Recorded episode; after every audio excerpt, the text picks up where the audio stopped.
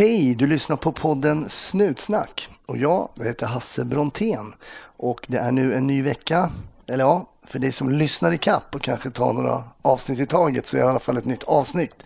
För er som ligger i kapp så är det en ny vecka och ett nytt avsnitt. Så hjärtligt välkommen till det här avsnittet där min gäst heter Johan. Och ja, vad är det som inte är någonting för Gunvald? Det ska du snart få höra. Du vet väl att du kan också förgylla din eventuella karantän med en Snutsnackmugg eller en Snutsnackflaska. Gå in på snutsnack.nu så har jag en liten shop där. kan du gå in och beställa. I övrigt så finns vi på Facebook eller Instagram så besök oss gärna där.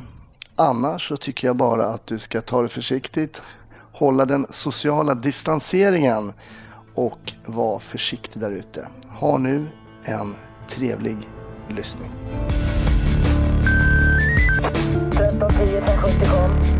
1310 Odengatan kom. Ja, det är uppfattat. Vi tar det. Slut. Bra. Klart slut. Varmt välkommen till Snutsnack Johan. Tackar.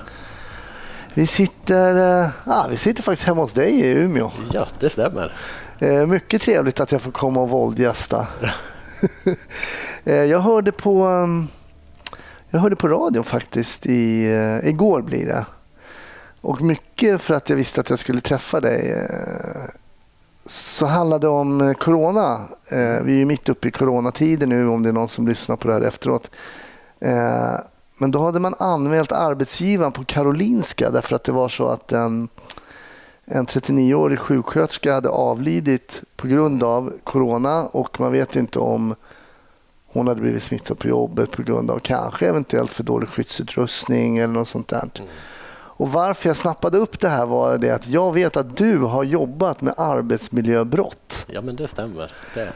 Jag kan säga att du är den första polisen jag träffat som, som har jobbat med den typen av brottslighet eh, som ju ligger under kategorin oaktsamhetsbrott. Va? Ja, men det stämmer. Det är ju som sagt det är ju till skillnad från eh, andra brott som oftast har uppsåt och att man måste vara medveten om det man gör så behöver man i de här fallen inte vara medveten utan det handlar mer om att man kanske har ett medvetet risktagande eller att man ibland till och med underlåter att agera.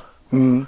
Ehm, så skulle man ta då exemplet här från Karolinska så då kan man ju se kanske att det handlar om skyddsutrustning som avsaknats, att man inte haft rätt rutiner för det arbete som ska utföras ehm, och att man på någonstans har underlåtit att agera från mm. arbetsgivarens sida. Mm. Och det är därför man då går in med en sån här typ av anmälan. Men jag måste fråga dig, eh, jag, jag, är inte sarkastisk nu alltså, men hur kommer man på idén att börja jobba med arbetsmiljöbrott? För jag tänker det är liksom ingen Beck-film eller sådär som man ser att det handlar om arbetsmiljöbrott. Det, Många gäster de har ju halkat in på det de har gjort i, i det polisiära av olika bananskal fram och tillbaka. Men hur blev det att du kom in på att du gör inte det just nu, men du har jobbat med det i alla fall. Ja, men hur kom du in på det? Jag har jobbat några år med arbetsmiljöbrott och det var väl egentligen ett eh, bananskal.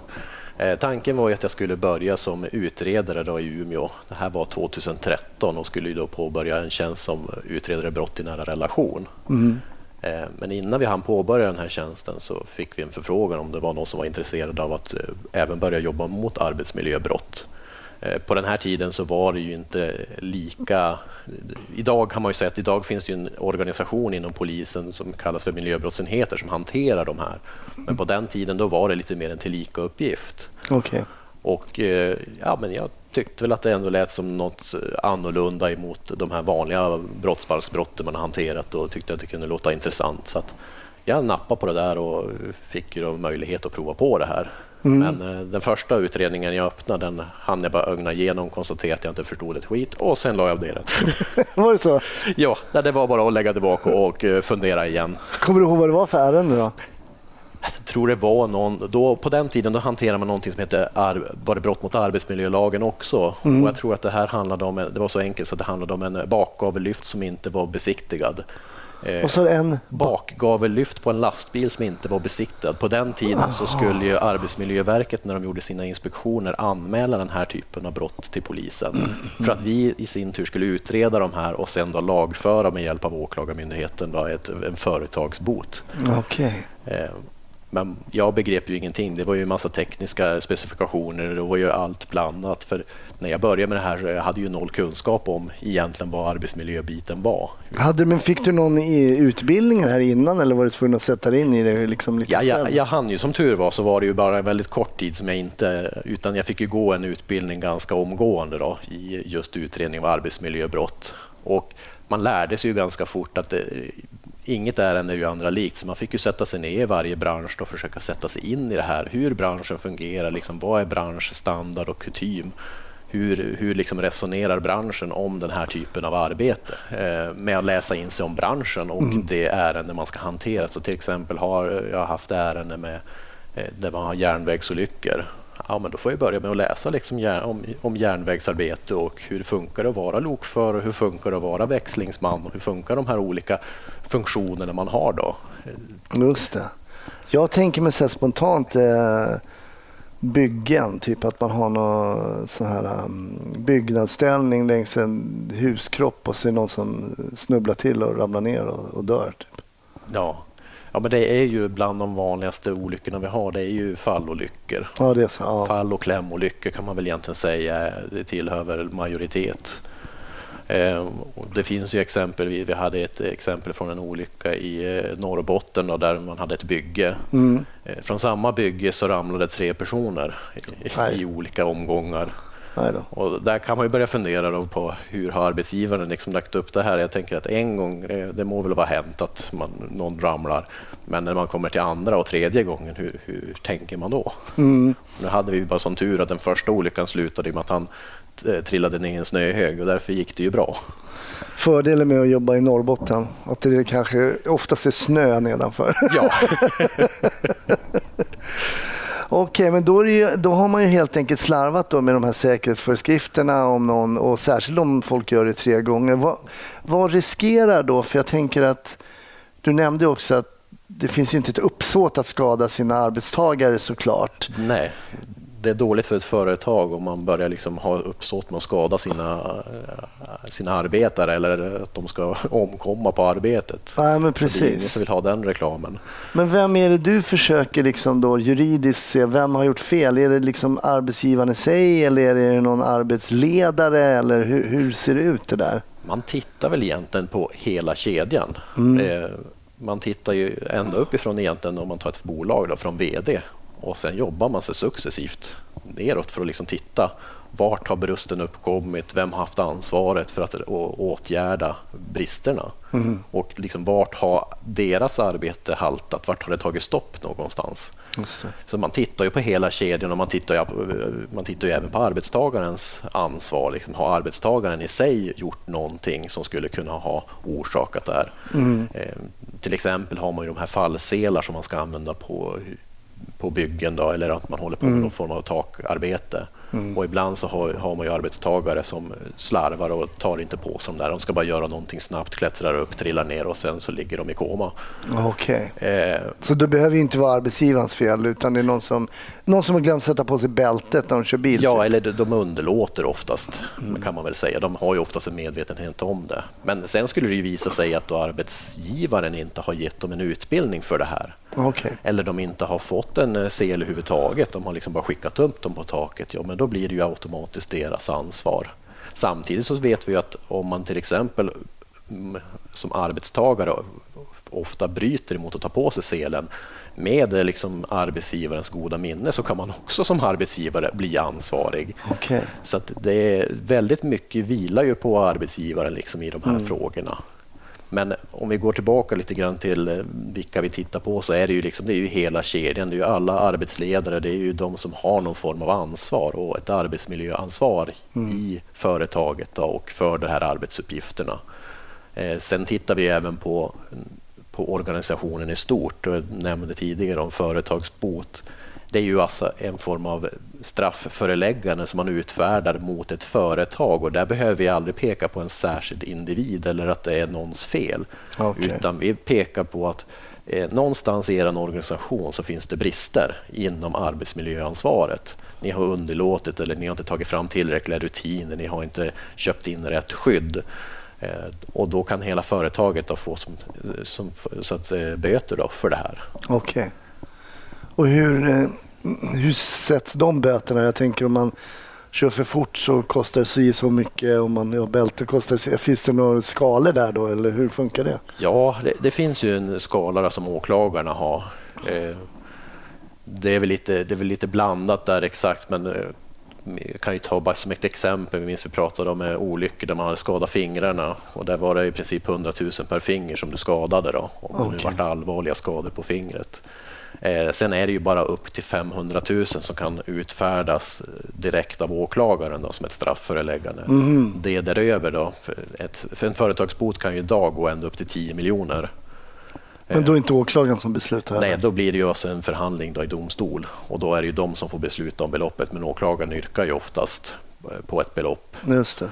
Eh, men man tittar ju över det här nu lite grann, för det här systemet vi har idag, det är ju liksom statiska summor och det man vill ha framöver, det är ju att ett bolag, till exempel ett storbolag då med många koncerner och allting, kanske ska få ett böter så att även eh, deras böter ska motsvara liksom en del av hur mycket de drar in och hur mycket de omsätter tillsammans mm, med okay. personal så att det ska kanske bli lika kännbart för ett stort bolag som för ett litet bolag. Ja, jag förstår. Lite som tanken med dagsböter för att man är, får um, böter i förhållande till inkomst. I det här fallet kanske till omsättning eller ja, något ja, sånt men, Precis, ja. så att det blir... Eh, det finns ju exempel på bolag som rent av har gått i konkurs på grund av liksom böter de har fått Medan de har sett har varit två bolag, ett stort och ett litet. Båda har fått samma böter. Det lilla konkar medan det andra klarar sig. För det är, ja, det, det, är bara liksom kaffekassan som rök. Just det. Men då får du verkligen sätta det. Jag kan tänka mig att det verkligen är olika branscher. Du får sätta in, jag menar om du, har, du pratar om att jobb i eh, våld i nära relation och sådär. Där har man ju ändå hela tiden samma lagstiftning att jobba efter. Liksom, att det är, det, du har uppsåtsbiten och sen ska det ha varit en skada och så vidare. Och så vidare. Men här är det helt olika branscher och helt olika situationer konstant. Då. Ja, jo, det, är ju, det kommer in. Vi har ju haft allt från drunkningsolyckor till elolyckor till fallolyckor och eh, ja, fall och klämolyckor. Det är väl de som är hanterat. Mm. Och, eh, till och med en sprängning. Eh, sprängolyckor där man har förolyckats genom att ja, hantera sprängmedel som exploderar okay. Du har inte haft en här klämolycka i hissen? Man ser så brutal, det är så brutal bilder i så här hiss, du vet, så här, stå emot och så ser det alltid en bild på någon som kläms. Ja. Som har en, jag tänkte så här, shit det där vill man inte vara med om. Eh, klämning i hiss? Ja, inte i en hiss just, Nej. men eh, däremot så har vi haft en olycka på ett bolag då, där man eh, höll på att sterilisera medicinsk utrustning. Mm. Och eh, var det en, eh, en av deras eh, servicetekniker då, som skulle egentligen bara in och göra en snabb åtgärd i en maskin här. En sån autoklav eller? Precis, autoklaven här. Och, när han sträcker sig in i den här maskinen så ja, det, det, är maximal otur, men han kommer åt en form av brytare som gör att dörren till autoklaven går upp och då står han redan i serviceutrymmet och blir ju då klämd. Aha, okay. Så pass att eh, han senare avlider. Då, Aj, så att det är otroligt tragisk olycka. Och det, det var också på en arbetsplats, liksom ingen, ingen kunde liksom egentligen ha sett det här. Alltså de sa det här, vi kunde aldrig begripa att man skulle kunna avlida på den här arbetsplatsen. Mm. Och det är det man ser liksom idag, just det här med att man måste ju kunna gå till sitt arbete och även, alla förväntar sig gå till sitt arbete och sen komma hem igen. Ja, ja verkligen. Och det är därför jag tycker det är så viktigt med just den här typen av arbete. Det är lite det som jag har drivit mig också, att det känns som att man kan göra skillnad mm. när man jobbar med den här typen av ärenden. Att, ja, när jag kommer på plats i min roll som eh, arbetsmiljöbrottsutredare så möts man ändå av ganska stor respekt från bolagen. Och man ser ju att Arbetsmiljöverket och en arbetsmiljöbrottsutredare, det, det vill man inte ha där. Ja, okay. För det betyder att nu har någonting gått riktigt illa. Ja, eh, så att det, man har ju oftast bemötts av väldigt stor respekt på de här arbetsplatserna när man kommer dit. Och, mm. ja. Men det är inte så mycket dragna vapen och blåljus? Eh. Nej, jag, jag, tänkte lite grann på det du sa om eh, Beck och Gunvor. Det kanske hade varit intressant att se Beck störta in på en arbetsplats i, i sitt esse. Ja, jag vet inte, det kanske hade, det kanske hade blivit en tittarsuccé. Eller så. Ja. ja, den manusförfattare som lyssnar får börja skruva på någon, någon manusidé där. Men Du berättade lite att just att du började jobba med det här var ett bananskal. Men hur var det här med att börja jobba som polis? då? Hur kom du in på det? Vad, gjorde du någonting innan eller hur, vad var tankarna där? Ja, Mina tankar egentligen innan det var ju att jag siktade på att bli yrkesofficer egentligen större delen av mitt unga liv. Aha, okej. Eh, Så att, eh, det var inte förrän jag gjorde lumpen som jag kom på, eller fick planen att också söka till polisen. Och det var tack vare att det var en kamrat där. Hon skulle själv söka till yrkesofficersprogrammet tillsammans med mig, där vi sökte samtidigt. Eh, Men då skulle hon också söka till polis. Och ja, pratade om det här med mig och jag tänkte, ja men varför inte? Det är liksom, eh, jag, har ju tidigare stått vid ett löpande brand och, jag kunde ju säga att det, det är inget jobb för mig. Nej. Det, det räckte med de få veckor jag gjorde det. Eh, Så jag kände att när jag ska jobba och ha en yrkeskarriär så ska jag ha ett jobb som är omväxlande och där jag inte kan förutse min dag. För det, då trivs jag som bäst. Och då var det lite så att eh, jag slängde in en ansökan till polisen också. Och det slumpade sig så att eh, hon var yrkesofficer och jag var polis. Okej. Så att, eh, ja. Men hur gick det? För, kom du in på den andra utbildningen också eller? Nej, det fick jag inget svar på, så att det, då kom jag nog inte in. Kan ha varit så. Det kan ha varit så. Nej, men Ja. jag, jag var nöjd ändå och eh, med facit i hand så var det absolut det bästa.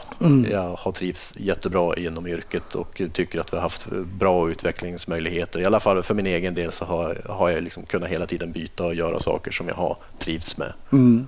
Men då kan jag tänka mig att i början så var det som vanlig ordningspoli- ordningspolis då, så IGV, liksom, Ja. ingripande verksamheten. Ja. Och, hur trivdes du med det? Att åka runt i uniform och... Ja, men det trivdes jag bra med. Och Var det- var du då någonstans då när du var färdig som polis? Då vart jag placerad, jag fick min aspirant i Sollefteå Okej. i Västernorrland. Mm. Så jag påbörjade min karriär, det är ju en liten ort och eh, det är väl en av de här glesbygdsorterna. Nu- kommer jag att förnärma någon som jobbar i södra Lappland eller norra Lappland och säga att det är glesbygd. Men, men det var ungefär, det var liksom eh, Västernorrlands glesbygd. Ja. Eh, och vi hade väl ganska långa avstånd. Vi hade väl ungefär 20 mil från ena hörnet till den andra i alla fall. Om man skulle köra på ett jobb eller så. Det är långt ja. ja. Eh, Och kanske inte jättemånga patruller ute samtidigt. Nej, vi var ju oftast eh, ensamma. Så det, det, Det är ju var, makalöst alltså egentligen. Eh, två poliser på sådana enorma ytor. ja, Hur, på, hur skulle du säga att det påverkar sättet att eh, arbeta rent taktiskt som polis? ja, man får ju jobba liksom med en ganska defensiv inställning. Alltså man, jag har ju provat på också att jobba lite som en liten storstad och så. Då, Man kan ju ha en mer offensiv approach och liksom vara lite mer framåt. Eh, men när man jobbar i de här orterna så ja, vi kanske inte har mantalet att liksom börja agera mot eh, tre, fyra gärningsmän samtidigt och liksom vara lite offensiva utan det blir verkligen att man får försöka frysa läget och invänta förstärkningar och så. Och, ja, det var en två timmars väntetid ibland. Ja. Jag hade ett exempel, vi hade haft ett eh, förföljande, eh, ett kort förföljande där de kastade lite stöldgods på polisbilen och sådär. Men eh, när vi väl fick stopp på de här, då var- det ju fyra stycken då, som hade varit på en stöldturné.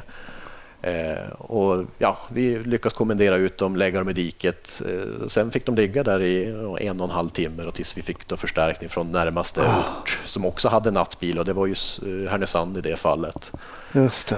Så det blev ju lite speciellt.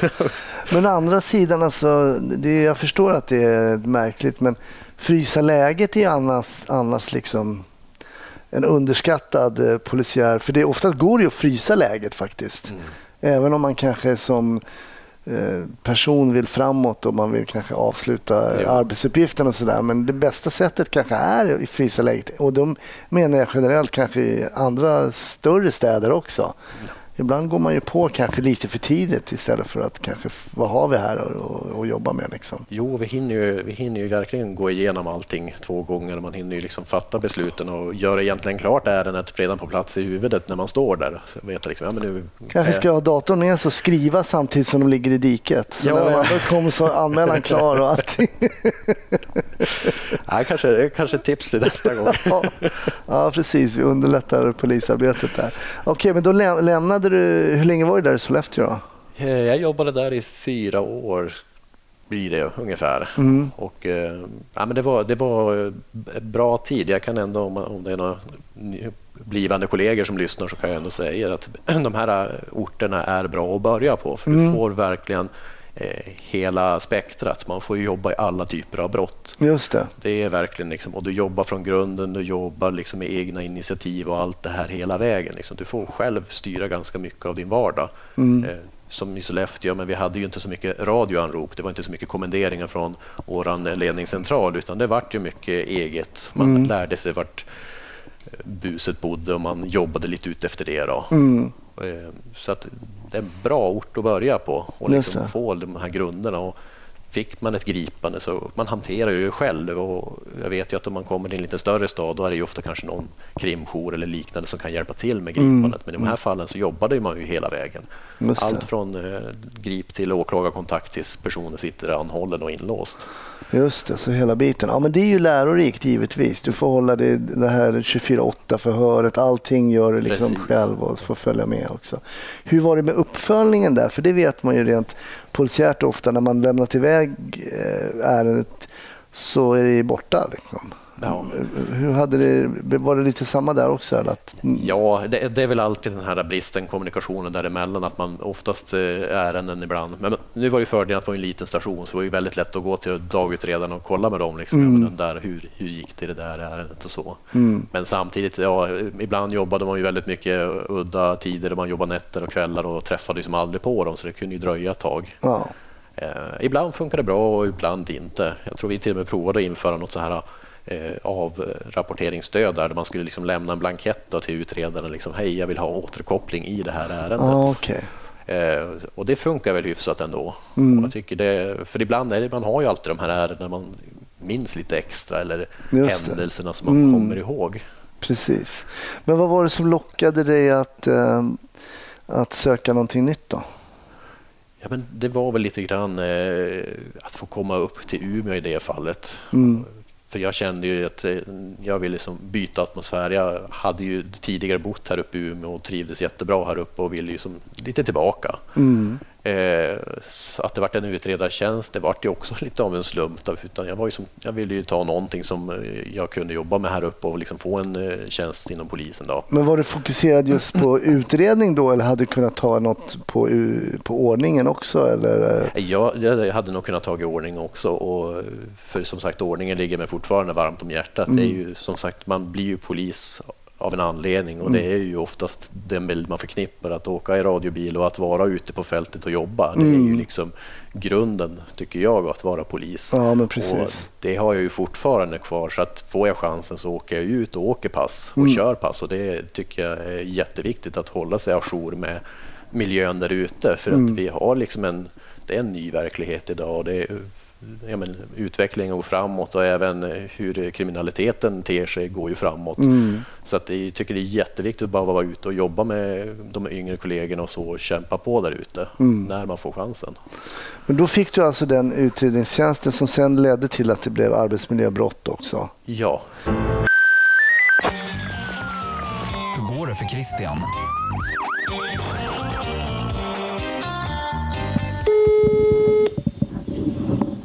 Ja, Christian. Tjena Christian, det är Hasse. Hallå, hallå, hej. Hur är läget? I coronatider får man väl ändå säga. Jo, det är bra. Jag är lite så här smått eh, euforisk över dagens, eh, dagens övning som har varit väldigt roligt. Så att jag är väldigt uppåt. Är väldigt trött, men väldigt uppåt. Så att, ja, det känns bra. Ja, men intressant. det är en bra dag. Berätta, vad är det för övning ni har gjort som har gjort dig euforisk? Vi har haft en hel dag på ett flygfält där vi har övat avancerad körning. Så att det har varit en... eh, Det har varit sjukt roligt idag. Hur, är känslan då när man eh, för första gången får eh, höra ljudet och se att det blinkar? Det är... eh, som du hör så fnissar jag. Ja, det är, det är faktiskt en jävligt härlig känsla i kroppen. Det, det går liksom inte att beskriva på något annat sätt. Det är en väldigt speciell känsla. Liksom trycka till den där specialknappen som sätter, igång, sätter igång både blåljus och sirener samtidigt. Och sen trycka plattan i mattan och bara sticka iväg och liksom köra på det här fiktiva uppdraget. Det ja, det, jag får lite rysningar. Jag tycker det, bara det är konstigt att det är så roligt, men det är faktiskt så himla roligt. Vad är det du har lärt dig då på den här dagen som du inte visste som bilförare innan till exempel? Finns det något sånt? Jag har nog aldrig pressat en bil så mycket som jag har gjort idag. Inte ens liksom i tonårstiden när man just hade fått körkort och fick sin första bil. Så tror jag nog att man, eftersom man visste här att det kommer inte komma någon annan. Jag behöver inte oroa mig för om det är en lång kurva och vi gör omkörning att jag kommer få ett möte. Nej, just det. Det gjorde att man verkligen kunde liksom ge sitt yttersta. Vi hade en konbana där vi, fick, vi hade liksom fri fart. Kör så fort ni kan. Se hur hårt ni kan liksom få runt bilen. Och det där har vi aldrig gjort förr. Nej. Klippte du någon Så det var, eh, nej, inte på den. Dock tyvärr, vi hade en sån här väjning att man skulle åka in genom en portal, tokbroms, ut till vänster, in till höger igen. Där tyvärr touchade jag den på sista. Så jag fick i radion där, jag var jättenöjd för jag upplevde att jag hade just klarat det. Så bara, ja, det var bra försök men eh, ah, du touchade konen så den ramlade. Jaha, men har ni gjort något annat då? Eller är det bara det här som yr runt här nu efter dagens... eh, Nej, nej det, har varit, det har varit en väldigt fysisk... Vi har haft grepp på tekniker där vi hade examination. Jag klarade mig, det känns väldigt bra. Bra. Eh, skönt än så länge. Jag har också klarat två tentor sen vi pratade sist. Både utredning och ungdom som nu är klar. Mycket bra. Så att jag behövde inte göra er besvikna där i alla fall. Du Mm. har ju press på dig alltså. Du har ju alla lyssnare. Tänk om du skulle flunka på... Det går inte Christian. Ja, jag tror mig. Jag är, ja, det, det spökade i huvudet på mig när man sitter där och skrev som ett djur på den där tentan. Ja, men vad kul, vad kul. Jag tycker vi ska släppa dig när du är som gladast här idag. Det var ju jättekul att höra lite om bilkörning och pressa bilar. Ja, det har varit, har varit väldigt roligt. Så att jag Ja. känner mig... Ja, nu, ska- nu ska jag gå ut eh, i basgruppen och, och nog ta en öl och en hamburgare eller något sånt där för att fira en god dag. Ja, det är ni värda. Ha en fantastisk dag då och eh, sitt inte för nära varandra nu. jag lovar. Två och en halv meter från varandra. Ja, det är bra. Ha det fint Christian. Detsamma. Hej då. Hej. Snutsnack sponsras av Polisförbundet. Som du kanske känner till så är Polisförbundet facket för alla poliser. De kämpar för att de ska få högre löner, bättre villkor och stöttar personer som jobbar som poliser om de skulle bli sjuka, råka ut för en olycka eller om de skulle behöva juridiskt stöd. Eh, Polisförbundet kan också ge stöd till poliser som utsatts för våld och hot i tjänsten och har sedan länge en fond som heter Polisskadestiftelsen. När jag eh, jobbade vid Norrmalmspolisen så jobbade jag på en grupp som heter Citygruppen i början av min karriär. Vi fotpatrullerade i uniform bara runt Plattanområdet i centrala Stockholm. Och vid ett tillfälle där när jag visiterade en kille så stack jag mig på hans kanyl. Och jag undrar om det skulle kunna vara en skada till exempel som man skulle kunna få ersättning från Polisskadestiftelsen. Det vet inte jag faktiskt. Men eh, stiftelsen har i alla fall sedan starten delat ut över 5 miljoner kronor till polisen som har utsatts för brott i tjänsten. Och enligt en undersökning då från Polisförbundet så visar det att nästan en av tio som jobbar ute på utryckningen då, så har hotats med kniv de senaste 12 månaderna. Jag blev hotad med en kanyl en gång också, kommer jag på just nu. Men du som polis, känner du igen dig? Har du som polis drabbats på något sätt? Hör av dig till Polisförbundet. Och vill du stödja fonden och hjälpa poliser eller kollegor då, om du jobbar som polis själv, som har skadats eller blivit utsatta för något brott i tjänsten, så swisha gärna en gåva till 123 455 9597. 123 455 9597. Och givetvis är alla gåvor välkomna. Stora som små. Men vad gör du idag då? Vad, har du för, vad sitter du på för tjänst idag? Idag sitter jag som jourhavande förundersökningsledare. Och vad innebär det? Ja, Man kan väl säga att vi, vi är ju som gränsen mellan den yttre verksamheten och eh, utredningen. Eh, vi hjälper ju patrullerna när de är ute på jobb. Eh, de ringer ju oftast oss för att få hjälp med beslut om saker och ting. Det kan vara allt från husrannsakningar till beslut om beslag. Eh, ibland som en, är vi ju bollplank, då, att vi jobbar liksom och bollar tankar och idéer när de är ute på ett jobb. Man, vad man ska göra och vilka åtgärder som kanske ska vidtas. Men då, förlåt, förlåt om jag avbryter, men är det inte så att eh, Det är inte en åklagare som ska ta beslut om en husrannsakan och eh, beslag och sådana här saker? Eller hur fungerar det? Nej, så länge det är vissa brott då har vi ju polisiär efterledning på och även initialt och innan vi kanske har rent av en misstänkt och så, då jobbar ju vi i ärendet med de här initiala utredningsåtgärderna. Så att vi gör ju väldigt mycket arbete liksom innan man kanske tar en åklagarkontakt. Mm. Utan åklagarkontakten den tas ju, i, vi har ju liksom en mall för fördelningen där då när vi ska göra det. Men oftast är det ju kanske när man har en, eh, en person gripen. Då. Eh, sen är det lite beroende på vilken typ av brott det är. Alltså de här, eh, är det ett väldigt grovt brott så kanske åklagare ska kliva in tidigare. Mm. Så det blir en liten avvägning men vi har väldigt mycket mandat början att jobba själva då, mm. i ett ärende. Oftast alla de här spaningsärenden så hanteras, hanterar vi ju det. Just det. Och sen är det ju faktiskt så, nu frågade jag faktiskt precis som att jag inte visste, men jag visste jag. Men det är ju också så att eh, polisman eh, på plats får ju också fatta beslut om till exempel eh, husrannsakan, kroppsvisitation och beslag och sånt där. Och det, i, i vissa länder så är inte det här möjligt egentligen, men där är ju Sverige ganska unikt att polisman på plats till exempel får fatta beslut om en husrannsakan. Man tittar ofta, vi var inne och pratade om film och sånt där, då, så här, men få se ditt papper från, ja. eh, från åklagaren och sådär. Det, det behöver man ju inte i Sverige utan eh, där jobbar man, kan man jobba med något som heter fara i dröjsmål. Ja, och det är ju det som polismannen har som möjlighet om det är så att det är väldigt akut att gå in i den här lägenheten. Man kan ju ta narkotikabrotten är ett klassiskt exempel där man fortfarande liksom använder fara dröjsmål i mm. hög omfattning. Mm. Och det är ju att man är ju rädd att de ska göra sig av dem med drogerna om man liksom inte hinner in i tid. Just det. Och, därför, och då kan det ta lite extra tid om man ska försöka ta, få tag på en upptagen eh, jour-FU mm. som, som jag då, som sitter i telefon med kanske fyra andra samtidigt. Just det, just det. Så att det där är lite avvägning hur, man, hur mycket föredragsmål det är. Då, liksom. Men jag tänker, där måste det också vara ganska bra. Innan så berättade du att du var tvungen att läsa in det på olika typer av arbetsplatser och arbetsmiljöer och vad de gör och lokförare och allt sånt där. Men det är ju samma sak här. Eh, när poliserna är ute på fältet så kan de ju ha så skilda ärenden och förundersökningsledare måste ju verkligen vara på tå och kunna de här olika eh, ärenden. Jag, kåg, jag ringde in en gång, vi hade tagit ecstasy i beslag, ganska mycket ecstasy, och då var det en jouråklagare i Stockholm. Då. Och då kan det ju vara en åklagare som vanligtvis jobbar med ja, jag vet inte, bedrägerier eller någonting. Men så sitter han på jouren och då ringer de i ärenden som de kanske inte är helt high på. Och då sa jag så här, men vi har ett x antal ecstasy-beslag på den här. Jaha, säger den här åklagaren, ecstasy, ja just det. Det är sån där alkoläsk va? Så det gäller ju, det gäller ju och då känner man att den här åklagaren kanske inte jobbar med narkotikaärenden eh, vanligtvis. Men jag tänker att som förundersökningsledare, polisiär förundersökningsledare så, kommer du, så får du en ganska bred eh, du får ett bred liksom, spektrum av ärenden som du måste kunna och lagtekniskt måste du vara med mm. där.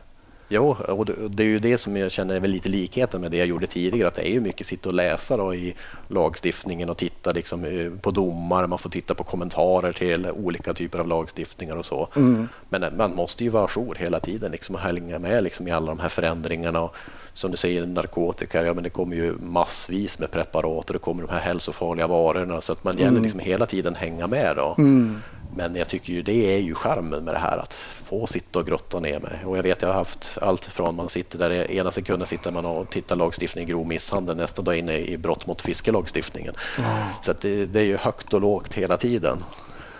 Men vad är det då? Är det någon som inte har fiskekort? Eller vad, vad, vad, ja, vad jo, det, är i princip så. Att man, ja, har, man har fiskat kanske på ett område där det är fiskeförbud eller liknande och så har man liksom eh, vanligast uppe i fjällen då, att de är och fiskar på ett område där man inte får fiska. Och så ah. blir man påkommen av någon eh, naturbo, naturbevakare från Länsstyrelsen som, där, som i sin tur då kontaktar oss. För jag kan tänka mig här uppe, som jag har ju aldrig ens varit på ett påkört rådjur. Ja. Eh, för att jag har jobbat centralt i Stockholm. Det springer ju väldigt få rådjur där. Ja. Men jag tänker uppe i Umeå till exempel, här Västerbotten också Norrbotten. Men det finns ju djur och folk skadeskjuter och, och tjuvjagar ju till exempel också djur.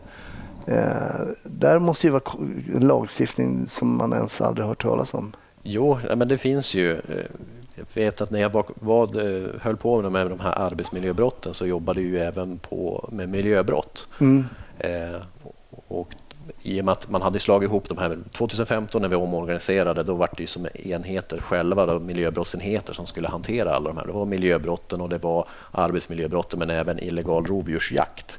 Okay. Eh, egentligen grovt jaktbrott, då, men man lyfte ut den specifika delen just när det gäller de här fem stora djuren i Sverige. Alltså vi har järv, lo, varg, björn och örn. Okay. Och de här djuren de lyftes då ut specifikt så att ursäkta, när, när vi eh, fick in dem då var det alltså på miljöbrottsenheterna som de skulle utreda. Vanliga jaktbrott och eh, grova jaktbrott kanske mot andra typer av djur det skulle utredas på det man idag kallar för lokalpolisområde. Mm. Men just de här brotten de skulle hanteras av miljöbrottsenheterna. Eh, och då, det är ju ett, det är ju ett ganska stort problem idag med den här illegala rovdjursjakten. Det är det? Ja, det, det förekommer väl ganska frekvent och den är ju svårupptäckt på så vis att den sker ju i det dolda. Det, mm. Den sker ju mitt ute i skogarna och det är sällan det är mycket vittnen och folk runt omkring. Men skjuter folk av en björn till exempel, alltså illegalt? Ja, det är relativt vanligt. Vad är syftet då? Att de har tagit ett får?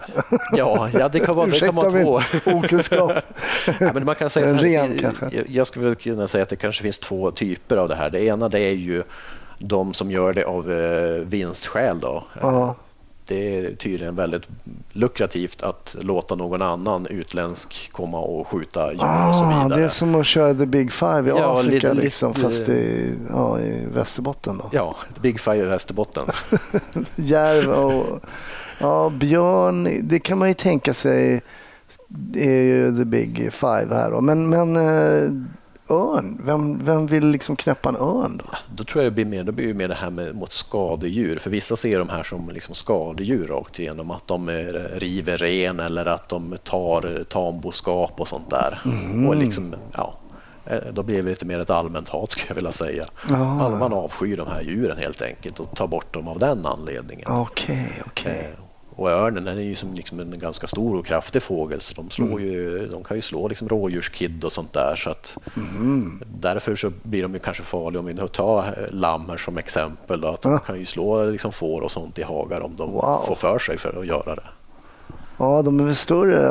Alltså jag låter ju verkligen som en sån här som inskränkt 08, men det är inte ofta man ser en örn. Men de är väl, jag menar om man kan ta ett rådjurskid, de, det är ju det är ingen liten sak ändå, även om det är mindre än ett vuxet rådjur. Det finns ju och med skräck, skräck, skräckhistorier lite grann. Att eh, de har misstagit små barn för att vara liksom vilt. Wow. nu vet jag ju inte sanningen i det här, men det finns några som säger att de har sett liksom örn tagit tag i en treåring, lyft dem. Men de ofta släpper de ju ganska omgående för de inser att oj, det här är inte mitt normala bytesdjur, så då Aha. släpper de istället. Men Shit. är de tillräckligt stor så kan de flytta det mesta. Ja.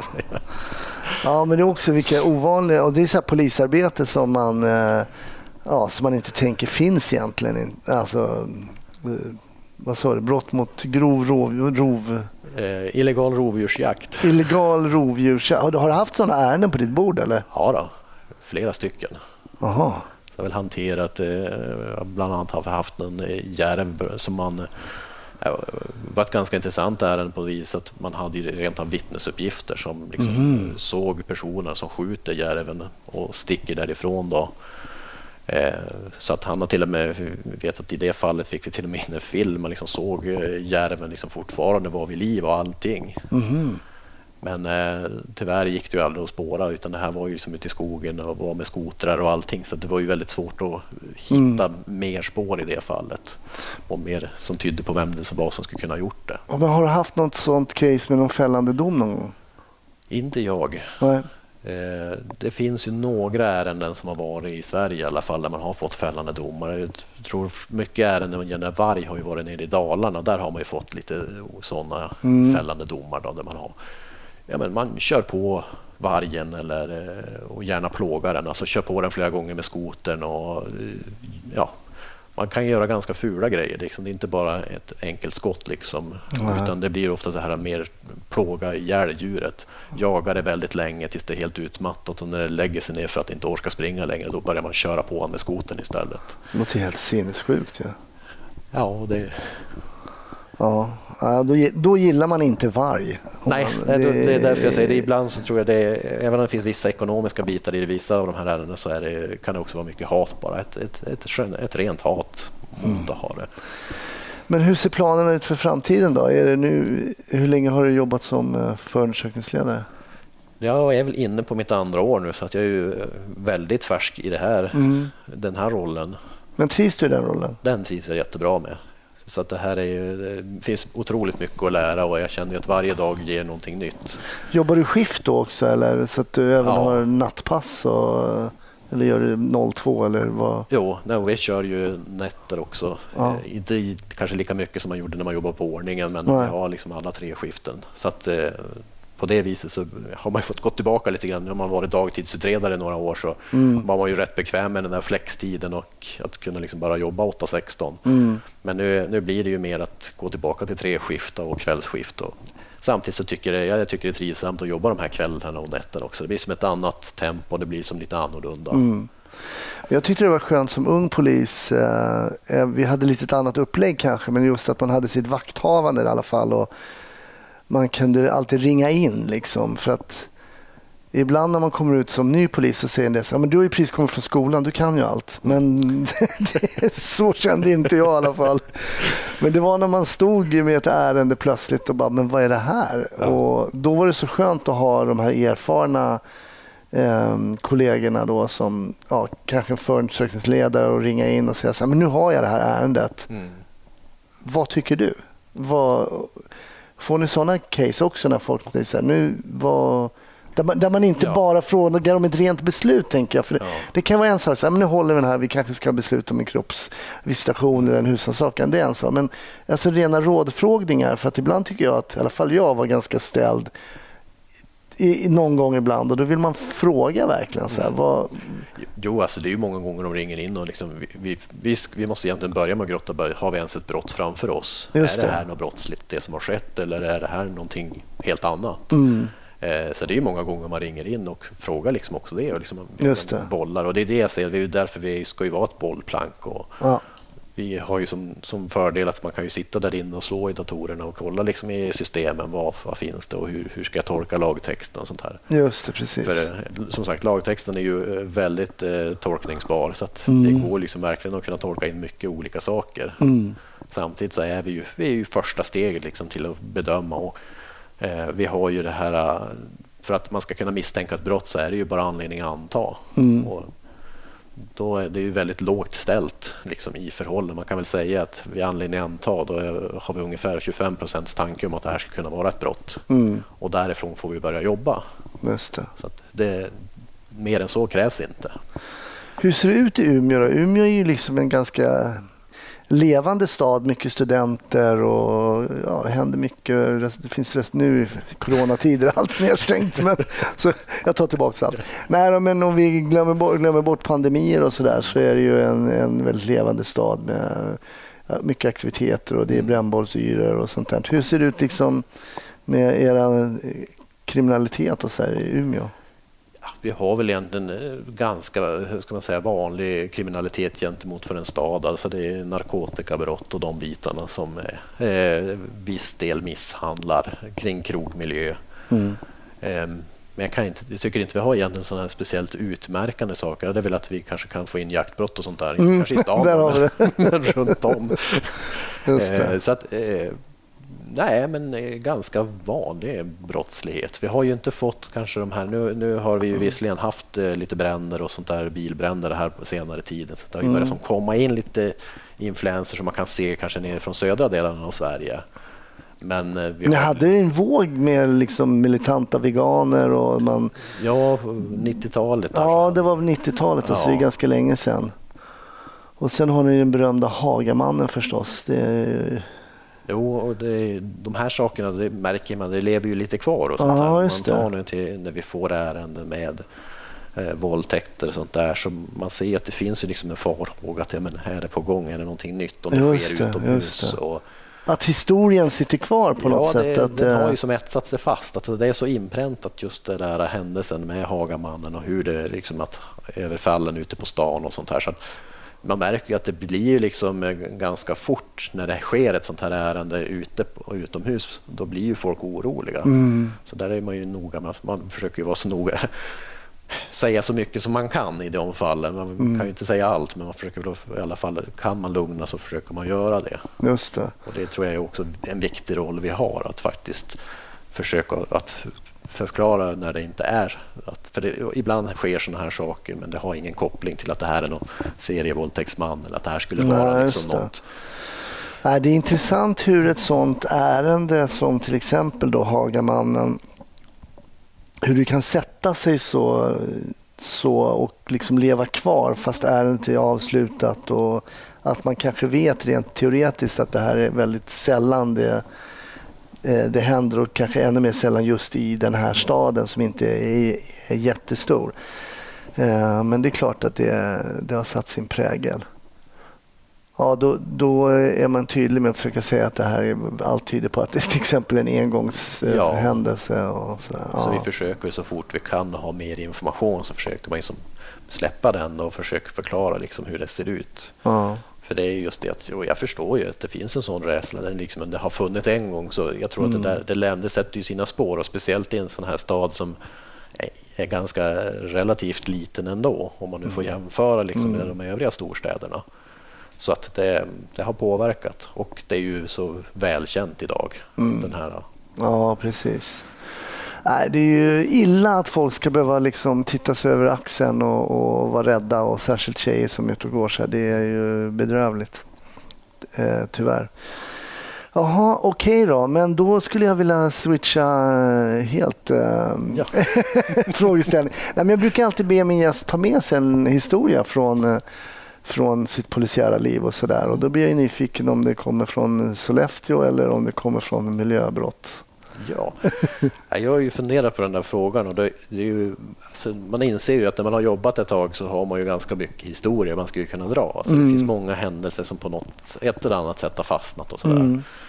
Eh, Men en grej som jag tänkte ta som jag kommer ihåg det är ju faktiskt från min tid som eh, arbetsmiljöbrottsutredare. Då. Ja, det är det. Ja. Eh, Och det var i samband med en eh, olycka som skedde uppe i Norrbotten. Det var en, eh, under en försvarsmaktsövning så var det en så kallad bärgningsbandvagn Mm. som körde genom isen på en å Okej. och sjönk ner då, och tyvärr så omkom föraren i den här bandvagnen då, på grund av att han kom inte upp. Var det bara han i bandvagnen? Eller? Nej, i det här fallet var de två stycken. Då. Mm. Och det var ju tur, för normalt sett så är de fler också i den här, men i det här fallet så var de bara två. Okej. Det var eh, själva föraren och eh, vagnchefen då, som åkte. Eh, och Det som händer är ju att eh, troligtvis så gör de här en fel navigering. Då. De är ute och kör ett kompani och håller på och framrycker. Eh, men på grund av att det är mörkt, man har bildförstärkare och sådana saker så har man inte lika bra visuell sikt. Eh, och I samband med att kompaniet har ju liksom tidigare framryckt före de här och de här kommer som lite eftersläntrare och de tillhör eh, det man kallar för eh, trosskompani eller stab och tross. Liksom de är ett underhållspluton till det här Stridande till de stridande. Då. Eh, Och det har blivit ganska mycket uppkörda spår. Man har lite svårt att lokalisera vilket spår man ska följa eh, och råkar navigera in på ett helt felaktigt spår. För då var det ett fordon som hade framryckt tidigare som hade kört fel också och man hamnar liksom i, i kölen på den. Okej. Eh, och då när man ska framrycka så uppmärksammar man inte att det är ett vattendrag man passerar över och de här fordonen är så pass tunga så att det finns ju oftast särskilt reglerat i övningen hur man får framrycka över vattendrag och om man får det överhuvudtaget. Och eh, det blir inte bättre än att de kör över den här isen då och sjunker igenom. Och tyvärr så lägger sig is ovanpå då förarluckan så att man kan inte liksom öppna upp den. Oj. Eh, Men där var det i alla fall att vi hade ju utredningen. Jag var ju då extra hjälputredare till eh, en kollega uppe i Luleå som hade det här ärendet. Så att, hon och jag vi hjälptes ju åt att utreda den här i och med att jag själv har lite bakgrund då, inom Försvarsmakten. Jag själv var, gjorde ju lumpen på ett mekaniserat kompani så jag har ju lite kunskaper om de här typen av fordon. Okay. Eh, så vi hjälptes åt i det där fallet och skulle ut och göra en syn på själva olycksplatsen. Och det var ju mest bara för att vi ville se själva och se lite grann hur mycket kunde man se i det här. Och vi hade ju också bestämt att vi skulle försöka göra den så att det var ungefär i samma ljusförhållanden. Mm. Det är ju lite svårt med väder och vind, men i det här fallet så skulle vi prova i alla fall. Och eh, då visade det sig att det, det slumpade sig så att den här dagen vi ska göra det här, det är samma dag som olyckan inträffade fast ett år tidigare. Så det var liksom en minnesdag också mm. i samband med det här.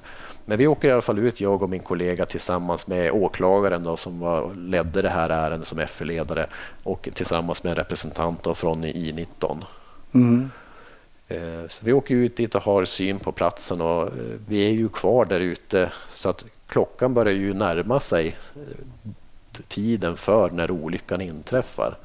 Och då minns jag att då, då väljer vi att vi ställer upp då på olycksplatsen och har en tyst minut för att hedra då den här omkomne.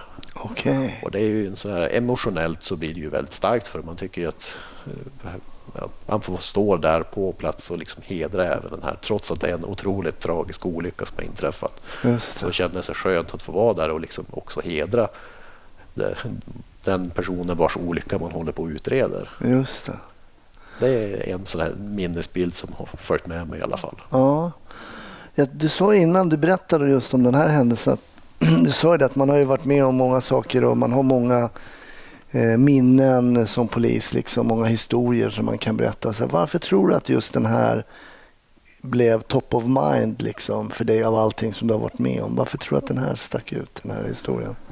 Jag tror att bara just den här känslan att, eh, som jag pratade om lite tidigare, så är det här med att man vill göra skillnad och att liksom stå där och känna att man är, nu är vi här för din skull. Vi är här för att vi ska ta reda på varför, det, varför den här olyckan inträffade och varför den här tragiska olyckan skulle inträffa. Och just Man gör det ju för den, här, av den omkomnes skull och hans anhöriga, för det är liksom det man vill man vill liksom hjälpa dem på ett sätt i deras arbete att komma vidare. Även om vi nu också gör en, en brottsutredning så är det ju mm. fortfarande också ett sätt för oss att liksom hjälpa till och hjälpa de anhöriga med att få en, en förklaring mm. och se liksom hur kunde det här inträffa. Mm.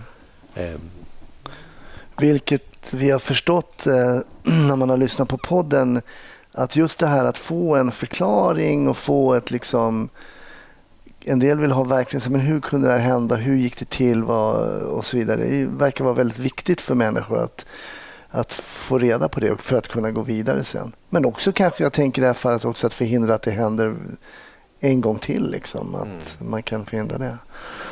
Ja, det är så intressant att höra vilka historier det är som eh, finns kvar i minnesbanken när man kanske har båda sett ond bråd död och folk som har råkat illa ut så är det kanske en sån här grej som som poppar upp. Ja, jätteintressant. Ja, vi har ju varit inne och pratat lite om Gunvald redan innan vi har pratat om filmer och sånt där. Men vi brukar alltid avsluta med något tips. Jag vet inte om du... Jag vet att du håller på att renovera och fixa så det kanske inte blir så mycket polisfilmer och polisserier just nu. Ja, det ligger väl lite lågt men eh, serier brukar vi ändå försöka se emellanåt. Ja. Nej, men jag tänkte faktiskt tipsa om Norrlandspoliserna för att spegla lite av vår egen vardag. Eh, tycker det är roligt att få en serie liksom från där man själv jobbar och är verksam och med våran miljö. Då, där mm. vi, vi har ju trots allt vad är det, 52 procent av Sveriges yta som täckningsområde här uppe i Region Nord. Just det. Så det blir ju lite annorlunda eh, just det här med avstånden och det. Och då tycker jag att Norrlandspolisen var en bra serie att följa om man vill, är lite sugen på att se hur vi jobbar här uppe. Ja, men det är väl ett jättebra tips. Jag tror det gick på TV4. Ja. Det... Så kanske om det finns kvar på TV4 Play eller Simor eller något sånt där. Jag tror det. Ja. Är det, bara, det är bara att man står och det är bara så slow TV, ett fjäll och sen är det bara Ja. Hör man vinden? Ja, jag vet inte, har du sett den här stora älgvandringen? här sitter han och oranerar. Nej, men eh, absolut jättebra. Vi har ju några så olika varianter. Det finns ju Stockholmspolisen och trafikpolisen och sådär. Men eh, bra tips från en norrlänning till alla lyssnare. Eh, Norrlandspoliser. Och jag ska inte sitta och mopsa så mycket för min farsa är ju härifrån. Eh, han är ju från, min pappa var ju från Vännäs. Ja, visst, det, det förklarar ju lite grann i alla fall. så, så jag, slår, jag slår ju lite på mig själv eftersom jag är halv västerbottning. Men eftersom morsan är från Tyskland så blev det på något sätt halva vägen var där så det blev det Stockholm. Johan, jag bugar och bockar. Stort tack ja. eh, att du var gäst i Snutsnack. Tack så mycket för att jag fick vara med. Tack.